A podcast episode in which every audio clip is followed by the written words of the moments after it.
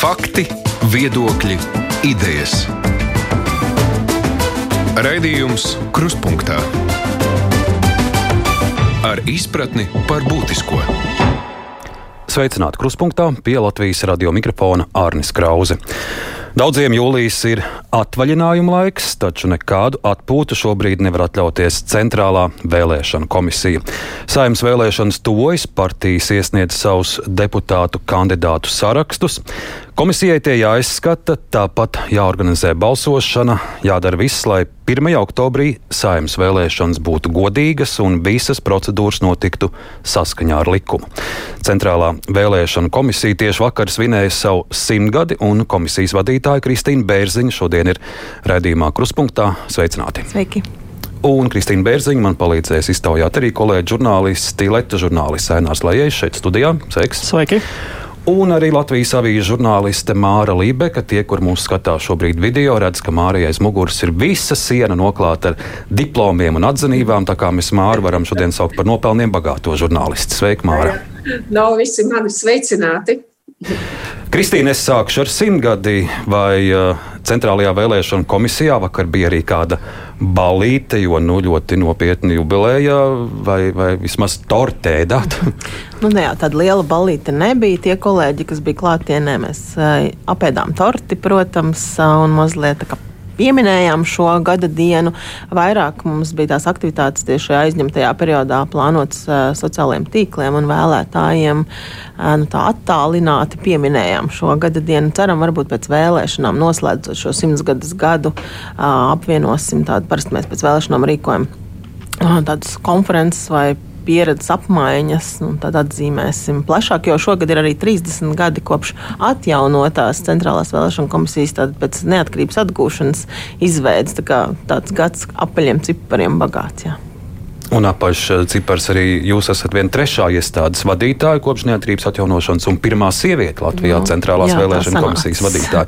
Kristīna, jūs vakar aicinājāt uh, sabiedrību sociālajos tīklos arī dalīties atmiņās par uh, vēlēšanu pieredzi. Tad nu, dalieties lūdzu savās atmiņās, kādas bija jūsu pirmās vēlēšanas. Manas pirmās vēlēšanas bija 1998. gadā, jo es pavasarī tieši sāk strādāt par priekšstādātāju palīdzi.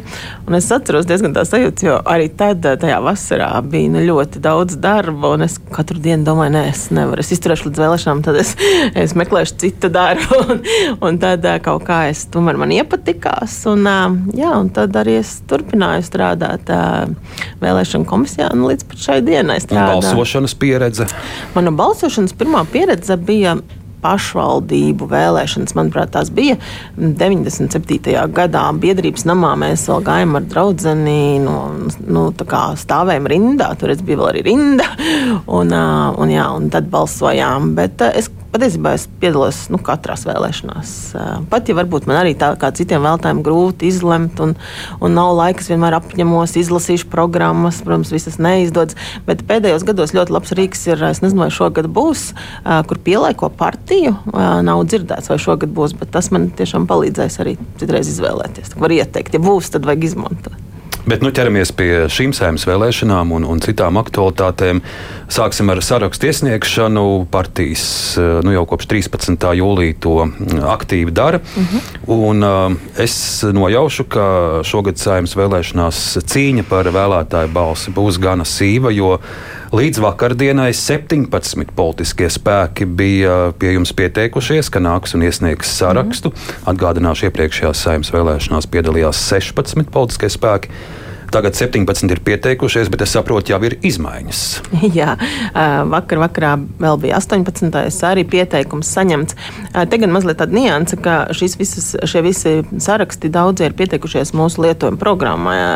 Tā kā darbam ar mūsu lietojuma programmu jautājums, vai viņi tiks tālāk nākamā posmā, kad atnāks ar jau sagatavot un iesniegt sarakstu. To mēs vēl redzēsim, bet jā, 18 pretendenti potenciāli mums ir un iepriekšējās vēlēšanās bija 16 sarakstu. Ar ko jūs saistat šādu aktivitāti? Vai arī ar to, ka varbūt visas partijas nebūtu necer pārvarēt šo 5% barjeru, bet mm -hmm. ir svarīgi pārvarēt arī 2%, Jā. jo tad tu saņem valsts Šis finansējumu. noteikti būtu vērts kādam politologam, sociologam izpētīt, bet mums ir tāda hipotēze, ka iespējams tas ir saistīts ar šo partiju finansējumu, jo, ja pārvar vēlēšanās 2%, tad arī var pretendēt uz valsts finansējumu. Un iespējams, kādai partijai tas varētu būt tāds kā atspērienu punkts nākamajai. Un uz diezgan pieklājīgu finansējumu. Jā, man liekas, simt, kaut kāds simts tūkstoši. To, to droši vien labāk zinās korupcijas novēršanas apkarošanas birojas, bet, bet jā, diezgan tā mm. summa.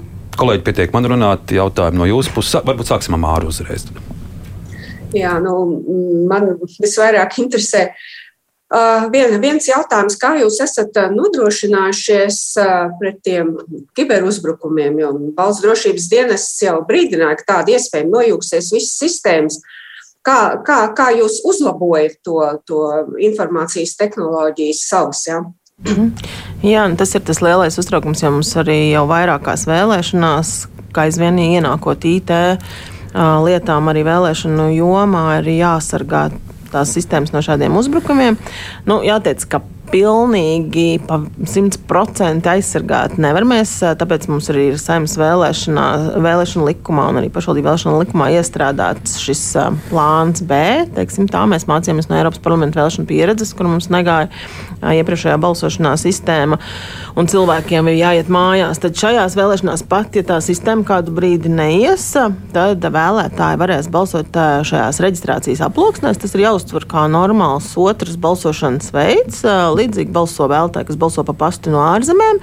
Tas mums palīdz to anonīmo balsojumu šajās reģistrācijas aploksnēs ievietot Uh, aploksnē, kas vairs nav anonīms, kuras ir vēlētāja vārds, uzvārds un identifikācijas numurs. Un, attiecīgi, tad uh, uzkrāj šo balsojumu šādā veidā, un pēc tam balsu skaitīšanā apkopo un var secināt, ja kāds vēlētājs par šo laiku aizgājis citā iecirknī nobalsot, tad um, skaita tikai vienu balsi, un otrā iecirknī, nu, citā iecirknī nodoto balsi, tad uh, neatver, anulē un iznīcina. Tas ir viens, bet otra lieta, ko mēs tiešām darām, un te paldies, mums palīdz arī citas uh, lielākas un uh, spēcīgākas valsts iestādes. Mums ir vēlēšana drošības darba grupa, um, darbojas jau no gada sākuma, vai pat varbūt vēl ātrāk, tad nepateikšu, bet, bet mēs regulāri satiekamies, tos riskus apdom, ap, ap, apskatām, uh, skatāmies, kas, kas uz šo brīdi šobrīd ir. Pagaidām, nu, vismaz mums, protams, visi mums jau var nestāstā, bet eh, drošības iestādes, bet nu, nav tādu kritisku lietu līdz šim. Bet, protams, tas, kas mani uztrauc diezgan, ir nu, ko ir vieglāk izdarīt nekā varbūt tādu kiberuzbrukumu, jo tiešām mūs aizsargā arī valsts citas iestādes, kas ir kompetenti šajā lietā. Ir šie apmelojumi, dezinformācija un tāda, tā, tāda veida darbības, kas šobrīd, protams, arī nu, gandrīz nu, mēs nenovēram, ka vēlēšana, tā kā centrālās vēlēšana komisijas vārds tur būtu iesaistīts. Bet, nu, pieņemsim, ka septembrī tas varbūt varētu notikt. Un, uh, mums nav, man liekas, valstī tāda dienas tā kā Baltie troļļi vai elfi, kas varētu mums nākt talkā. Nu, šis ir tāds mūsdienu izaicinājums, jo, protams, ka uh, nu, tas normāli. Visi cilvēki nezina par vēlēšanām, kā tas notiek. Un, un to informāciju sagrozīt ir ļoti viegli sociālajos tīklos un to vidi radīt tādu, ka neusticās vairs rezultātiem. Tūlīt tā arī tavs jautājums, bet es arī mudinu klausītājus rakstīt mums no Latvijas Rādio 1 mājaslapas sadaļā Kruspunkta. Un, un arī, ja jūs, kas interesē saistībā ar vēlēšanām, droši vaicājiet Centrālās vēlēšana komisijas vadītāja Kristīna Bērziņa atbildēs. Aināra? Jā, paldies. Jā, gribēju prasīt saistībā ar nu, vienkāršiem vārdiem sakot iepriekšējo balsošanu. Tur, tur izskatās, ka tur būs tāds salīdzinoši mazāks skaits vēlēšanu iecirkņu, kur to varēs darīt. Tur būs arī pārtraukums starp dienām, un tajās dienās, kad varēs, tās ir dažas stundas. Tad varbūt tas, tas, tas jūsu aicinājums ir vēlētājiem iepazīties sākumā ar to tā dēvēto iepriekšējās balsošanas laikiem, un mm. kur viņi varētu iepazīties ar to. Mm. Jā, noteikti iepriekšējās balsošanas mēs saimnes vēlēšanās to saucam par balsu nodošanu glabāšanā, un tam ir arī vēsturiska izcelsme, jo kādreiz vispār saimnes vēlēšanās iepriekšējās tādas balsošanas iespējas nebija. Un tas ir saistīts ar satversmi, kur nosaka, ka saimnes vēlēšanas notiek vienu dienu. Tas nozīmē, lai izpildītu satversmi, bet tomēr tās mūsdienu prasībām.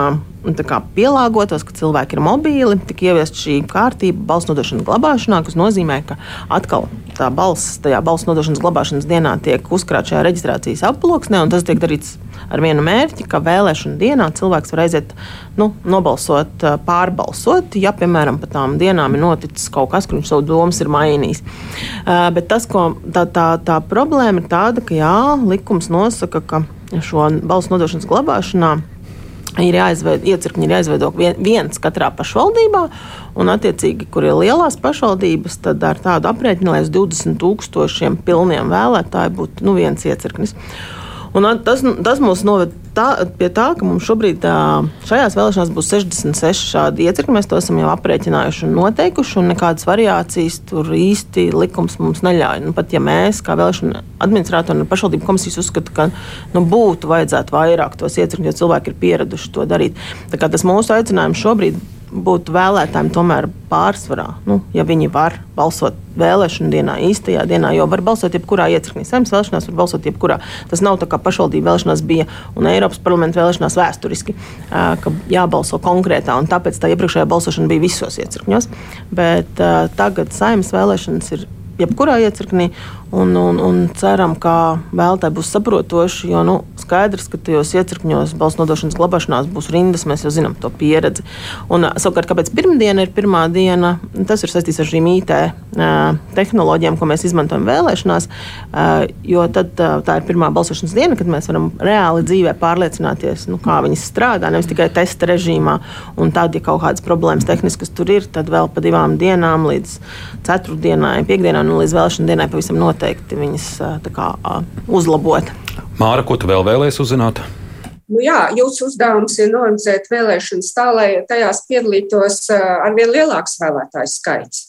Man jautājums tāds, vai Centrālā vēlēšana komisija jūt savu atbildību, ka cilvēki arvien mazāk piedalās vēlēšanās? Tas ir ļoti interesanti, jo patiesībā šī brīža likums par Centrālo vēlēšanu komisiju neuzliek mums tādu pienākumu, ka mums būtu jānodrošina pēc iespējas lielāks vēlētāju skaits. Tā ir tiešām problēma. Mums likums saka, ka mums ir pienākums informēt par balsošanas kārtību. Un tas arī viss, un, nekam, un arī nevienai citai iestādē valstī nu, nav tāds pienākums rūpēties par vēlētāju līdzdalību. Iespējams, tas ir viens no iemesliem, kāpēc arī mums pagājušajā gadā Finanšu ministrijā atteica kad mēs lūdzām papildus finansējumu tieši vēltāju aktivitātes veicināšanai, atteica šo finansējumu. Bet katrā ziņā, protams, ka nu, kā vēlēšanu rīkotāji mēs jūtam to atbildību un arī visā pasaulē, nu, kur ir tādi profesionāļu konferences, semināri, šis jautājums par vēlētāju līdzdalību ir viens no tādiem pamattematiem. Jo, nu, kā kurā valstī, protams, bet pārsvarā jau par vēlētāju aktivitāti nu, visi satraucas, jo nu, cilvēki pēdējā laikā nu, ir pieraduši pie tām savām tiesībām visdrīzāk un vairs nenovērtē iespējams to iespēju brīvi balsot vēlēšanās. Tā ir problēma. Un tāpēc mēs šajās vēlēšanās, protams, mēs arī varam uh, tikai to informāciju sniegt par balsošanas kārtību, kas ir mūsu rīcībā, bet tādu plašāku pārliecināšanas kampaņu mēs nevaram īstenot, mums tam nav finansējuma. Nu, atgādināsim, eh, iepriekšējās 13. sēmas vēlēšanās savu pilsoņu pienākumu veica vien 54% eh, balstiesīgo. Mēs te runājām nu, pat ar sociologu Arnu Kaktiņu. Viņš pieļauj, ka iespējams šajās vēlēšanās pat puse neaizies uz balsošanas iecirkņiem. Un vēl bija no Arņa Kaktiņa tāda interesanta tēze, ka, piemēram, eh, mazās partijas, kuras šobrīd tur grūstās ap to 5% robežu, Viņām pat savā ziņā ir izdevīgi, ka daudz neaiziet uz vēlēšanām, jo, jo mazāks ir balsotāju skaits, jo lielāka šance esot, ka šīs mazās partijas tiks iekšā parlamentā. Nu, iespējams, tā varētu būt tā procenta barjera absolūtos skaitļos ir mazāka. Tad, protams, jo 5% barjeru mēs rēķinām no derīgu aploksņu kopskaita. Tātad visas sāk aploksnes ar zīmogu iecirkņu, kas ir atrasts vēlēšanu kastēs. Tātad no šī aploksņu kopskaita, un jo mazāk viņi ir, jo, protams, mazāks absolūtos skaitļos nepieciešams atbalsts partijai, lai pārvarētu šo 5% barjeru. Jā, man jautājums, man jautājums, kas izriet no tā iepriekšējā, vai nebūtu pienācis laiks Latvijā rīkot vēlēšanās jāpiedalās obligāti. Savā laikā 2008. gadā to rosināja Vairvīķi Freiberga.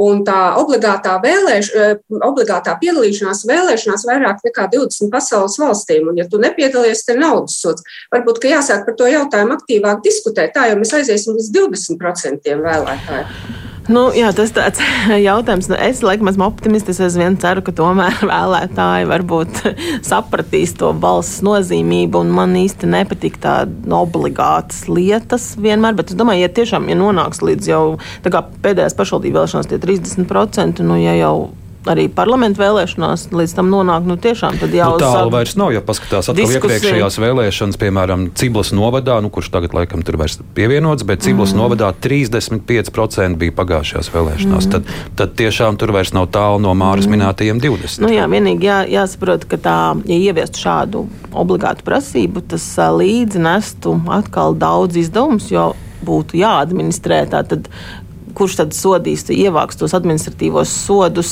no tiem, kas neatnāca. Nu, lai tā sistēma darbotos, lai viņi nebūtu tikai uz papīra, tam visam līdzi būs tāds atkal administratīvais sloks un papildus izdevumi. Tagad varbūt tiešām tā kā vēlētājiem, kas klausās, jāizdomājas, nu varbūt tomēr labāk ir saņemties un nākt uz tām vēlēšanām. Nevis, ka beigās mēs nonāksim pie tā, ka būs obligāti un tad jāmaksā sodi. Nu, ar to sodu gan nebūtu problēmas. Tur daudzas mūsu valsts iestādes ļoti naskas uz, uz sodu piemērošanu. Bet, Ainār? Jā, man, man būtu par diviem izaicinājumiem jautājums. Tad apvienošu tas viens ir par to, ka dažkārt ir gadījies, ka kādā, piemēram, vienā iecirknī nav apzīmogotas aploksnes, bet nu, tur, tur mēs paļaujamies, ka pat ja tā gadītos, tad tiesa vērtēs, un ja tiesa skatīs, ka tas ir tikai noticis aiz neuzmanības, tad tur varētu būt kārtībā. Un tad to jūs varētu lūgtu jums pakomentēt. Un uh, otra lieta ir par to, ka pēc vēlēšanām mums, mums te ir jārēķinās, ka visticamāk būs uh, vai var gadīties, ka būs tūmā kādi kandidāti, kuriem izšķirsies, vai viņi tiek saimē vai netiek. Un tad viņi var prasīt šo um, plusiņu un svītrojumu pārbaudi. Un tur mums jārēķinās, ka arī vēlēšana iecirkņos varētu būt atšķirīgi tā, kā, mhm. kā katrs vēlēšana iecirknis pieskaita, ja tas mhm. svītrojums nav izdarīts pilnīgi, pilnīgi pilnīgi precīzi. Mm.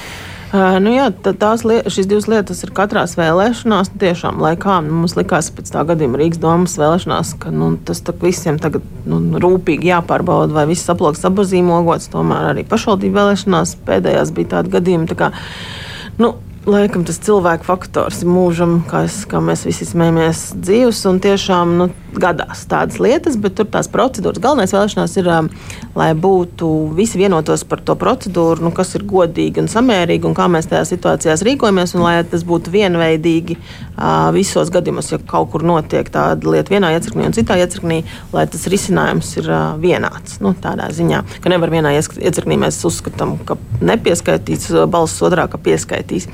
Uh, par plusiem un svītrojumiem tā, tā ir tā iespēja, ko jā, šobrīd ļauj tās mūsu modernās tehnoloģijas, ko mēs izmantojam, tad zīmju skenēšana, tad ir šo procedūru vieglāk veikt un nav tik dārgi, kā varbūt ātri, iepriekš, ka jāsasauc visa komisija un uh, iecirkņa komisija, viņiem jāskatās un jāpārskait, un, un, bet, bet ar to atkal to cilvēku faktoru, kā katrs to svītrojumu vai atzīmu uztver, nu, tiešām tā ir, kad uh, pārskatot, caurskatot vēlēšanu zīmes tajos gadījumos, kur mums ir lūgts. Jā, protams, nesakrīt. Uh, nu, ir piemēram kādam kandidātam plusiņi pēkšņi vairāk vai svītrojumi mazāk, bet tas tā labā lieta ir, ka visos šos gadījumos, kur mēs esam caurskatījuši tās vēlēšana zīmes, kur kāds ir sūdzējies, nu, tās kļūdas ir uz abām pusēm. Tādā ziņā, ja kaut kur ir varbūt kāds aizmirsis pieskaitīt plusiņu, tad tikpat labi kaut kur kāds ir svītrojis to kandidātu, un tas matemātiskais vidusceļš paliek līdz, līdzīgs. Bet tas ir tikai tad, ja tas ir viss bijis godīgi, ja nav tur kaut ko speciāli, kā darīs. Un te ir tā lieta, ka var to izsacināt. Māra. Man interesē, vai vispār administratīva teritoriālā reforma ir ietekmējusi jūsu darbu un vēlēšanu iecirkņu izveidošanu, vai viss paliek pilnīgi pa vecam, kā bija, tā ir? Centrālās vēlēšana komisijas darba droši vien ietekmē, jo mums ir mazliet vieglāk, jo atkal, ja iepriekš mums bija ar 119 pašvaldību vēlēšanu komisijām jāstrādā, šobrīd 43, un tas tomēr ir, ja vajag ātri apziņot vai ātri ar kād, kādas problēmas risināt, tad mums ir mazāk to, ar ko mums jākomunicē, bet um, Ietekmju saraksts Latvijā ir pastāvīgs, un no administratīvās reformas jau nav kā es domāju, karte nav sarāvusies. Praktiski tas tāl, attālums līdz iecirkņiem jau ir palicis tas pats, līdz ar to tas iecirkņu skaits ir apmēram tāds pats. Tas, kas pašvaldību vēlēšanu komisijām viņām ir šobrīd uh, sarežģītāk, jo viņas ir lielākas un attiecīgi viņām jāpārauga lielāka teritorija un vairāk iecirkņu. Un, uh, mēs, mūsu šajās vēlēšanās uztrauc arī tas cenu pieaugums, piemēram, uh, degvielas izmaksas. Uh, nu, šis viņiem ir uh, tā organizators grūtāk pašvaldību komisijām. Jā, bet papīra izmaksas tie, tie, tie biļetēni jau ir nodrukāti, vai kā, kā tur notiksies? Varbūt tās, tāds sadārdzinājums, ka mums nepagūsiet nodrukāt par zīmēm laikam jautājums. Vai jau nodrukāti biļeteni, Mārija? Nē, mēs nevaram nodrukāt biļetenus, kamēr mums nav visi saraksti iesniegti un pārbaudīti. Tad kandidātu sarakstu iesniegšana mums notiks līdz 2. augustam.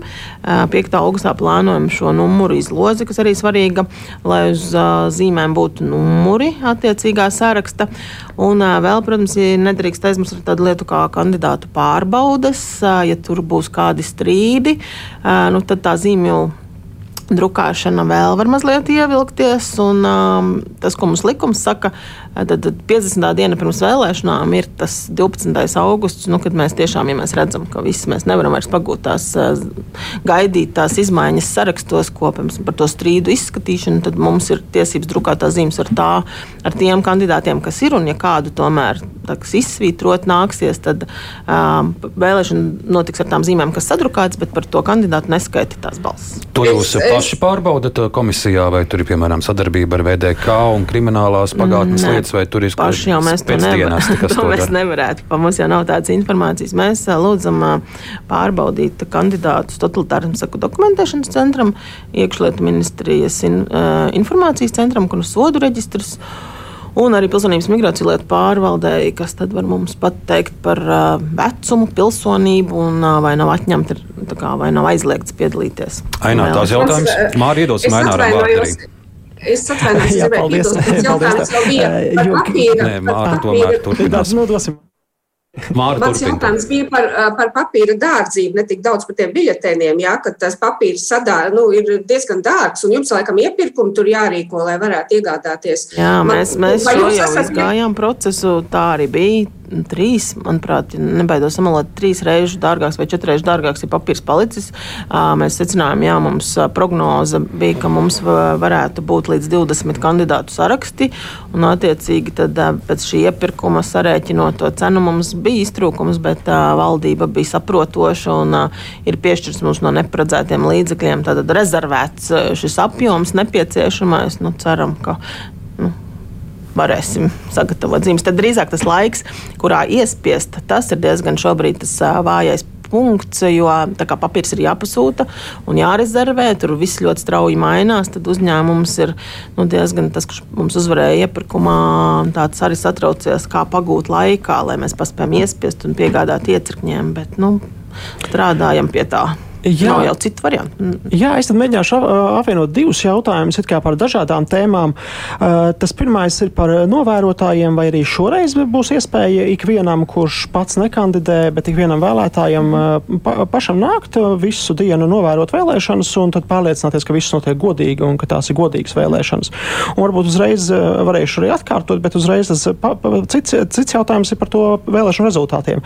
Vai varat pateikt, cikos vakarā jau būs? Būs uh, no pirmajiem iecirkņiem uh, pirmās balsis, un, uh, un tad otru pūksteņu laiku, cikos būs apmēram puse jau no rezultātiem. Mm, labi, es uzreiz varu uz to pēdējo. Nekas vēlēšana kārtības balsu skaitīšanā nav ļoti mainījies, bet ir viena izmaiņa saistībā ar vēlēšanām ārvalstīs, kas nozīmē par Latviju. Viss tas laiks būs līdzīgi kā iepriekšējās zemes vēlēšanās. Nu, tur neko pātrināt daudz nevar, bet no ārvalstīm pilnīgos rezultātus mēs gan varēsim iegūt tikai 2. oktobra vakarā. Mm. Tas ir tā iemesla dēļ, ka mums šoreiz ir pasta balsošana no ārvalstīm ar vēlētāju. Mēs lietojam vēlētāju reģistru un pasta balsošana no ārvalstīm.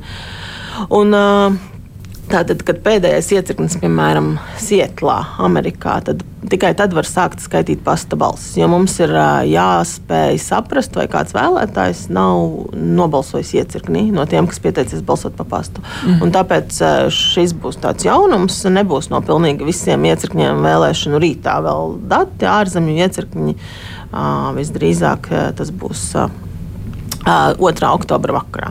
Un tur būs jāgaida tikai tas pasta balsojums, bet to, ko uz vietas nobalsos, to, to jau mēs uzzināsim. Jā, jā, klātienes balsojums, jā, bet tieši pasta balsojums, nu, jā, šoreiz mēs arī prognozējam, ka varētu būt lielāks pasta balsotais skaits, jo parasti mums saimnes vēlēšanās bija tikai kaut 300-400 vēlētāji, kas izvēlējās balsot pa pastu. Tā iemesla dēļ, ka bija, jā, lai pieteiktos pasta balsošanai, vajadzēja tāpat aiziet kaut kādu laiku pirms uh, vēlēšanām uz pārstāvjiem un dabūt spiedogu pasē.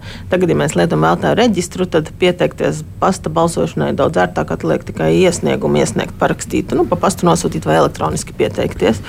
Otrs tā, jautājums bija par vēlēšanu novērošanu. Jā, par vēlēšanu novērošanu šobrīd mēs plānojam, ka būs tā iespēja arī uh, vēlētājiem pieteikties par brīvprātīgiem novērotājiem, bet tur ir tā viena nianse, ka to, protams, tā nevar. Uh, vēlēšana dienā pamostos, izdomāju un aizēju un novērot. Tur ir jāpiesakās no, mazliet iepriekš, no plānam tā no 22. augusta līdz 22. septembrim varēs to izdarīt. Un jāizvēlas konkrēts vēlēšana iecirknis, kurā novērot šajā gadījumā. Jo, Nu, Pretējā gadījumā tad būtu ļoti sarežģīti atkal tos pilnvaras izsniegt, bet šeit mēs to attālināti darām. Tad mums ir tas novērotāju saraksts. Viņi ir izvēlējušies, kurā iecirknī viņi būs. Tad mēs apziņojam iecirkņus, un viņi zina, ka šis ir vēl, vēltais reģistrēts par novērotāju, un tad drīkst novērot. Par uh, balsošana ārvalstīs. Eh, iepriekšējās saimnes vēlēšanās mēs redzējām, ka piemēram Lielbritānijā bija salīdzinoši liela aktivitāte, bija šie video kadri arī, kur Londonā pat bija garas rindas pie, pie mūsu pārstāvniecības. 18. jūlijā vēlētāji līdz 18. jūlijam varēja pieteikt balsošanas iecirkņu izveidu ārzemēs. Nu, jūs noteikti tagad arī redzat, kāda ir aktivitāte, kur mm -hmm. varbūt tā ir liela un kur varbūt mūsu tautieši ārzemēs eh, nav saorganizējušies. Nu, jā, es domāju, ka te nevarētu vainot mūsu tautiešus ārzemēs, drīzāk mūsu kārtību vēlēšana, kāda šajās vēlēšanās ir. Bet mums ir šobrīd saņemti pieteikumi no 39 vietām. Tātad, no, par, par par vēlēšanu iecirkņu izveidi. Un, tā problēma šajās vēlēšanās ir tāda, ka ir ieviesta tāds jauns, jauna papildus prasība, ja salīdzinām ar iepriekšējām saimnes vēlēšanām, ka bija nepieciešams 36 vēlētāju iesniegums, kur arī atbalsta šī iecirkņa izveidi. No vienas puses, protams, tas tā ideja bija laba, jo nu, ārvalstīs vēlēšana iecirkņi uz vienu vēlētāju izmaksā daudz dārgāk nekā Latvijā. Un, ja to iecirkņu, nezinu, ja cilvēki ir tā, ka viņus samotivē nezinu, kādi politiskie spēki, viņi izveido to iecirkni un paši neapzinās, kas viņiem būs jādara. Tā var visu nograut vēlēšanu rezultāts Rīgas apgabalā, ja, ja neprot un nemāk, vai ja pēkšņi iecirkni pārāk daudz, arī finansējums nepieciešams. Bet tā, tas mīnus šim ir, ka, protams, tas ir papildus tā, tā, tāds apgrūtinājums diasporas cilvēkiem, kuriem vajadzēja šos 36 parakstus vākt. Un te ir vēl viena problēma, ka tā tur ir likums nosaka, ka tie ir vēlētāji, viņiem jābūt vēlētājiem, tad mums ir jāpārbauda šie 36 cilvēki. Un, protams, tur tas cilvēku faktors, kāds nav pareizi pierakstījis personas kodu, piemēram, nu, tad uh, mēs nevaram nu, pateikt, ka viņš ir vēlētājs. Nu, skaidrs, mums būs piekdien jārisina šis Šobrīd jums ir 39 pieteikumi, jā. Jā, ir aptuveni nu, tā aina tāda pat kā bija iepriekšējās vēlēšanās, vai jūs redzat, ka ir vietas, kur ir pazudušie cirkņi? Nē, salīdzinoši, tad, tad, tad iepriekšējās vēlēšanās mums bija 80 uh, iecirkņu diasporās, un šobrīd sanāk uz pusi mazāk tieši oh. to diasporas iecirkņu. Protams, mums vēl ir otra vēlēšana iecirkņu grupa ārzemēs pārstāvniecības. Tur 41, kopā būs 80. Nu, plānoti šobrīd 80 iecirkņi, tad sanāk kopā. Bet tas Vai ir tas, mazāk. Kad šajās vēlēšanās ir uz pusi mazāk pieteiktu iecirkņu, tas iet kopā arī ar tām socioloģijas aptaujām. Nu, SKDS dati, ka mm. pagaidām tikai 35% saka, ka viņi tā pavisam noteikti piedalīsies ne. vēlēšanās. Te, manuprāt, ir atšķirības vēlētāji ārvalstīs. Ja mēs skatāmies absolūtos skaitļos, aktivitāte saimnes vēlēšanās pieaug. Tādā ziņā aizvien vairāk cilvēki izceļo uz ārzemēm. Nu, tā, diemžēl, situācija. Un viņi nu, katra, nu, katrā saimnes vēlēšanās tas um, absolūtos skaidros, nevis procentos, bet absolūtos skaidros tas um, aktivitātes. Um, tā, ārvalstīs aug. Un šajās vēlēšanās ir tā papildus uh, iespēja tiešām vieglāk balsot pa pastu. Un, uh, arī zinu, ār, sadarbībā ar ārlietu ministriju, diasporas organizācijām uh, mēs centīsimies par šo pastu iespēju stāstīt vairāk, lai cilvēki izmantotu šo. Jo nu, ārvalstīs bieži ir tas, ka arī pat ja ir arī pagājušās vēlēšanās pat ja bija daudz iecirkņu klātienē. Nu, cilvēkiem, piemēram, 200 km, 300, 400 km jābrauc nu, arī tā Pie šī brīža degvielas cenām vēl. Jā, nu, nu, nu, Māra, tavs jautājums vēl?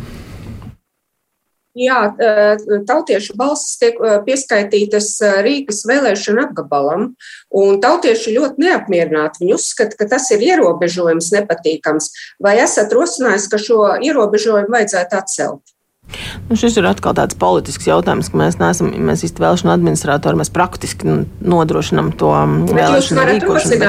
Ir dažādi, man liekas, tāds vispārinājums, ka visi tā domā. Es neteiktu. Man iepriekš nu, šajā pieredzē, dom, nu, gatavoties saimnes vēlēšanām, bijuši, man liekas, piemēram, ELA, Eiropas Latviešu apvienībai, bija uzskats, ka vajadzētu atsevišķu vēlēšanu apgabalu ārvalstīm, ka tās būtu labāka nu, tāds labāks risinājums nekā, piemēram, ļaut tagad, nu, tāpatam kā Latvijā cilvēki vēlēšana, var vēlēšana dienās brīvi pārvietoties pa visu valsti. Nu, attiecīgi, ja viņi dzīvo Rīgā, bet var nobalsot, ja viņiem patīk kāds kandidāts vidzemes apgabalā. Bet ar ārvalstīm tur ir cita problēma. Ja to nodrošinātu, ja. Nu, modelējam situāciju. Tehniski bija arī tāds priekšlikums, ka to vajadzētu darīt. Tad tas nozīmētu, ka katrā vēlēšana iecirkņa ārvalstīs vajadzētu piecas vēlēšanu kastes, piecas balsu skaitīšanas protokols, un tas nav reāli. Tas ir ner, nu, tāds tehniski nereāls. Piri, nu, tāds, tāda vēlme, ko praksē nav iespējams īstenot, pat ja kādi ir neapmierināti. Nu, tas tehniski ir ļoti sarežģīti, ļoti dārgi. Nu, tad uh, paliek tas otrs risinājums, vai nu atsevišķi vēlēšana apgabals, bet tur ir pretrunas mazliet, kā atrisināt to neproporcionalitāti. Tad ir jāmaina, piemēram, ka skaitītu ka mandātus vēlēšana apgabalā noteikti pēc vēlēšanām, nu, piemēram, cik saimā ietilpst no konkrētā apgabala. Nu, tā, bet katrā ziņā visi šie, visas šīs idejas, un tā ir tā lielākā sāpe, viņas jau nav sliktas, viņas vajag apdomāt, izdiskutēt, bet viņas parasti notiek par vēlu. Nu, tādā ziņā arī saimā nu, šīs idejas bija pagājušajā gadā, vai pat nu, tika apspriestas, un tas jau ir par vēlu šādiem kardināliem risinājumiem. Ja, ja gribēju prasīt kaut ko ārpus vēlēšanām, jums ir arī atbildība par uh, parakstu vākšanu. Jūs kā, pāraugāt parakstu vākšanas procesu, mm -hmm. lai mēģinātu ierosināt referendumus par ģimenes definīcijas izmaiņ, izmaiņām vai mm -hmm. kādas konkrētas ģimenes definīcijas noteikšanu. Pašlaik tiek vākti paraksti. Tur šeit jūlija beigas jā, būs 29. Jā, 29. Jā. Jā, tā, tā, jā. Un tad gribēju, vai, vai tur tagad jau varat pateikt, vai tur cik, cik ir paraksts savākt, vai tur būs tomēr tomēr jāgaida. Es varbūt uzreiz papildināšu Vaināru jautājumu. Šobrīd jums ir trīs aktuāls šādas tautas nobalsošanas par ģimenes iedzienu, grozījumu likumā par tautas nobalsošanu un arī parakstu vākšanu notiek par vēlētāju skaita samazināšanu likumu un saimnes atsaukšanas ierosināšanu līdz 50 tūkstošiem. Vakar es paskatījos Latvijā LV par ģimenes jēdzienu nostiprināšanu. Šobrīd ir savākts 54,200 balss. Nu, šodien iespējams jau vairāk. Mm -hmm. Šie likuma grozījumi par tautas nobalsošanu tur turpināsies šī balsošana līdz 24. septembrim. Tur pagaidām ir nepilni 2000 mm -hmm. balsu savāktu. Atgādinām vēlreiz klausītājiem, cik ir jāsavāc.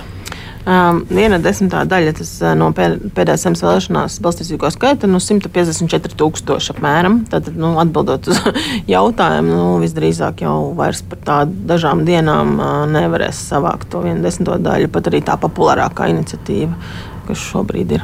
Un uh, jūsu mājaslapā skatījos iepriekšējā iniciatīva parakstu vākšana bija par saimas atsaukšanas ierosināšanu. Arī tā noslēdzās bez rezultāta. Parakstu vākšana beidzās pērnā gada oktobra beigās, un no vajadzīgajiem 150 tūkstošiem parakstu tur bija 28 tūkstoši. Mm. Jā, nu, kopš 2012. gada, kad šie grozījumi ir stājušies spēkā, jaunie nu, nav bijis neviens, nevienas tādas iniciatīvas, kas ir. Uh, nu, pārvarējuši šo desmit, eh, desmit, viens desmitās daļas slieksni vēltāju. Nu, tur ir dažādi jautājumi, atkal droši vien jāpēta politologiem, sociologiem. Vai bet, nav paaugstu slieksnis? Eh, slieksnis kā reiz nav mainījies. Viņš tāds ir bijis, jo tas ir noteikti satversmē. Un, eh, un ar, bet iepriekš tur tā atšķirība bija tāda, ka parakstu vākšanu pirms 2012. gada tā tad vajadzēja savākt man liekas, nelielu desmit tūkstošu parakstus pašiem iniciatoriem, un tad tālāk to otro posmu organizēja valsts par valsts naudu. Attiecīgi visās pārs, nu, paš, pašvaldībās bija tās parakstu vietas līdzīgi kā tagad, kad aptur, aptur likumus, kas jau saimā pieņemti. Bet tagad, pēc šīs jaunās kārtības, ir viss jādara pašiem iniciatoriem. Un tad šeit ir droši vien tā problēma, nu, ka nu, nav naudas, nav līdzekļu droši vien pietiekami par to stāstīt. Vēl vairāk arī īsi mūsu klausītāju jautājumu. Es lūkšu arī īsas atbildes. Sanita vaicā, kad Latvijā varēs elektroniski balsot? Un līdzīgi arī Mārai jautājums nebeidz uzdot jautājumu, kad beidzot ieviesīs elektronisko balsošanu. Tas piesaistītu daudz vairāk vēlētāju. Mm -hmm. Diemžēl par to neviens vairs nerunā, nepiemina. Mm -hmm. nu, es nezinu, vai par to var ļoti īsi, bet, bet nu, es domāju, ka tuvākā laikā vēl tas nenotiks Latvijā, lai kā ir daļa vēlētāju, kas to gribētu. Pirmkārt, Igaunijas piemērs rāda, ka aktivitāte tas nep nepalielina ļoti lielā mērā. Tikai tie, kas jau tā ir motivēti, viņi vairāk izvēlas to ērtāko balsošanu veidu, protams. Problēma tur ir ar drošību un aizklātumu. Un tā ir tā pamatlieta, kamēr tehniski ja mēs gribam nu, internetu, mēs iepriekš runājām, ka vajag uzraudzīt vēlēšanas un sargāt, tad, kāds viņas kontrolē, kādam ir jāskatās tās sistēmas. Un tas nozīmē, ka nevar garantēt pilnīgu aizklātumu. Protams, tur var diskutēt un teikt, varbūt, ja es gribu balsot internetā, es, es apzinos, ka man, es, kāds var zināt, nu, kāds var zināt, kā es balsoju, bet vai tas labi vai slikti, es nezinu. Dāvids interesējas, vai CVK var nodrošināt balsu skaitīšanas godīgumu un ierosinājums CVK saglabāt balsojumu biļetenus vismaz trīs mēnešus, lai neskaidrību gadījumā viņus var pārbaudīt attiecīgās iestādes. Oh, trīs mēneši, nu, ne, protams, var saglabāt, bet šobrīd nu, kā, arī saimai, ja mēs runājam par saimnes vēlēšanām, ir jāsanāk deputātiem uz. Uh, uz pirmo sēdi sanāk, mēnesi pēc saimnes vēlēšanām. Un tad uh, desmit dienas pēc tam tie biļeteni ir, nu, tiek dzēsti un uh, iznīcināti. Protams, tas, uh, ja, ja būtu kāds. Uh, kāds strīds, konkrēts un ierosināts jau kādas problēma nu, jautājums, tad jau viņus ne, neiznīcinās pēc tam desmit dienām. Bet, ja viss ir kārtībā un nav nekādu apstrīdējumu, vai visi tie strīdi jau ir atrisināti līdz tam laikam, tad nu, īsti nav jēgas tos biļetenus glabāt. Protams, tagad, kad tas ir elektroniski, tas ir vieglāk. Tās datu bāzes jau ir, un mm, viņas var ilgāk glabāt, bet visos iecūņos vēl neskanē. Tad, kur tad tās tonnas papīra tagad liks? Nu, un vēl ir Zigurdam arī rosinājums, lai cilvēki iet uz vēlēšanām, vajag izdomāt kādu burkānu, nevis sodu. Piemēram, ja ir balsojis, samazinās nekustamā īpašuma nodoklis.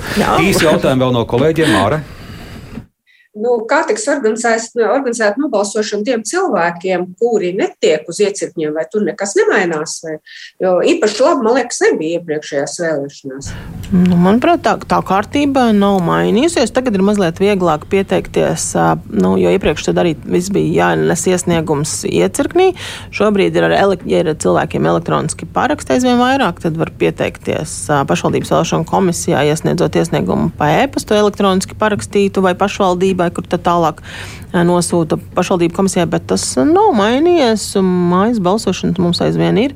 Protams, tās problemātiskās vietas ir slimnīcās un īpaši psihoneiroloģiskajā, tās, garī, nu, tā, tās slimnīcas, bet nu, tas vēsturiski visu laiku ir bijis nekādu jaunu pavērsienu nav šobrīd. Jā, jautājums jau par laiku, kad ievēlēta jaunā saima. Ja deputāti izlēmtu izšķirtos uh, jūs atkārtot virzīt uz šo amatu, uz CVK vadītāju amatu, jūs piekritīsiet, kandidēsiet vēlreiz? Es nepiekritīšu. Un kam, kādēļ nē? Es jūtos piekusus, tāpēc es, es, man pietiks ar četriem gadiem. Es, uh, strādāju diezgan pārāk daudz. Jo tas, kas mums ir, nu, tas, kas nākotnes, nākamajai CVK vadītājiem būtu jādara, droši vien jāattīsta, jāstrādā ar to, lai attīstītu pašu centrālo vēlēšanu komisiju. Mēs līdz šim esam attīstījuši vēlēšanu sistēmu, kārtīgi domājuši par vēlētājiem, bet tie mūsdienu izaucinājumi mūsu iestādē, kas ir ļoti maza, šobrīd mums ir vienkārši kapacitātes trūkums. Un, un jūs mēs esam šo vārdu, izdeguši. Šo vārdu kapacitāte, tad tur kritiskus vārdus par jums ir teikusi valsts kontrole. Mazs citāts, vai šoreiz tehniskā sagatavošanās vēlēšanām ritēs veiksmīgāk un būs novērsts iepriekš konstatētās nepilnības, plānojot budžetu, organizējot iepirkumus, ieviešot vēlēšanu vadības sistēmu? Diemžēl nē. Tā saka valsts kontrolas padomas locekle Ilze Bādere. Un valsts kontrole norāda, ka ilgstoši mūsu vēlēšana process ir bijis atkarīgs tikai no viena komersanta sniegtajiem mm. pakalpojumiem. Tur saliks kopā divas daļas. IT kapacitātes centrālā vēlēšana komisijā nu, tiešām viņiem nu, valsts kontrolē pilnīgi taisnība taisnība. Ja mums nebūs to papildus IT cilvēku, un šobrīd mums nav izdevies viņus izcīnīt, tad mēs nevarēsim. Mm, dokumentēt tieši to IT procesu, tā kā viņi tā kā vēlētos valsts kontrole. Nu, plānot to saulēcīgi, ja mēs varam savus mazos IT resursus koncentrēt tikai konkrētām vēlēšanām, bet paralēli mums jau šobrīd vajadzētu gatavoties in, e, Eiropas parlamenta vēlēšanām. Un otra par, kritika un otrs, par iepirkumiem, par budžetu un plānošanu. Tur tas, tas, tas tieši ar to arī ir saistīts, lai palielinātu to konkurenci, mums vajag to IT kapacitāti, tad mēs varēsim laicīgāk domāt sludināt, nu, rakstīt iepirkumus un arī iespējams vairāk pretendentu pieteiktos, bet šobrīd mums ir tā vēlēšanām jānotiek tajā datumā, un mums ir tie resursi, kas ir, un attiecīgi mēs izmantojam tos, kas ir. Un vēl pusminūtē ļaudis ir aktīvi mudināti arī pieteikties darbam vēlēšana iecirkņos. Tātad komisijas sekretāram 7 eiro stundā, komisijas loceklim 6 eiro stundā un vēlēšana dienā 8 eiro pusdienām. Vai ļaudis piesakās aktīvi Jā. šim darbam? Te gan jāsaka, ka vēl ir daudzās pašvaldībās tas noteiktais laiks ir šī nedēļa, tātad vēl tikai rītdiena, bet ir arī liela daļa, kur, piemēram, augusta sākums. Mūsu mājaslapā ir tabula, kur to var redzēt un apskatīties. Un droši tiešām aicinātu pieteikties, jo nu, ik pa laikam dzirdam arī pašvaldību komisijas saka, ka cilvēki nu, kūtri un nepiesakās arī līdzīgi kā neiet vēlēt. Centrālās vēlēšana komisijas vadītāja Kristīna Bērziņa vēlreiz sveicam vēlēšanu komisijas simtgadē un mudinām visus ļaudis arī aktīvi iesaistīties vēlēšanu procesā. Un Kristīna Bērziņa palīdzēja man iztaujāt arī kolēģi no Latvijas avīzes Māra Libeka un Ainārs Lējējs no Leta.